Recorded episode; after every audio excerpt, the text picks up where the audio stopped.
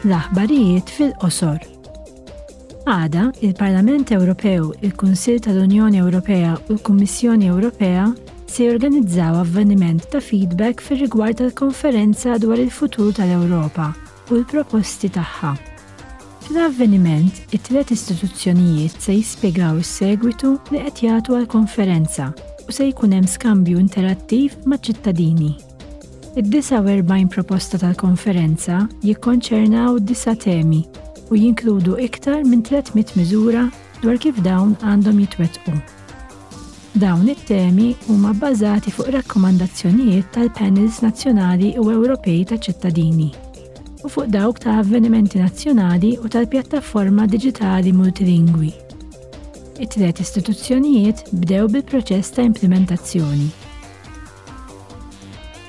Din il-ġimgħa, negozjaturi mill-Parlament u mill-Kunsill laħqu ftehim provviżorju biex jaġġornaw ir-regoli tal-Unjoni Ewropea fir-rigward ta' prodotti tal-konsumatur li ma humiex ikel.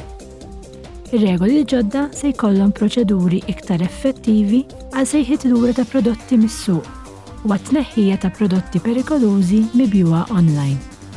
Se jkollhom jieħdu inkunsiderazzjoni ir-riskji għall-konsumaturi l-iktar vulnerabbli, bħalma huma t-tfal. Fl-Unjoni Ewropea, huwa stmat li inċidenti minħabba prodotti mhux siguri li jistgħu jiġu evitati jwasslu għal nefqa ta' ħdax-il biljun ewro u nofs kull sena. Illum huwa l-Jum Dinji tal-AIDS u t-tema għal din is-sena hija l-ugwalizzazzjoni. L-HIV għadha kwistjoni tas-saħħa pubblika maġġuri li taffettwa miljuni ta' persuni madwar id-dinja. Skont l-Organizzazzjoni Dinjija tas-Saħħa, f'dawn l-aħħar snin l-inugwaljanzi qegħdin iwaqqfu l-progress biex jintleħqu l-miri fir-rigward tal-HIV u r-riżorsi naqsu.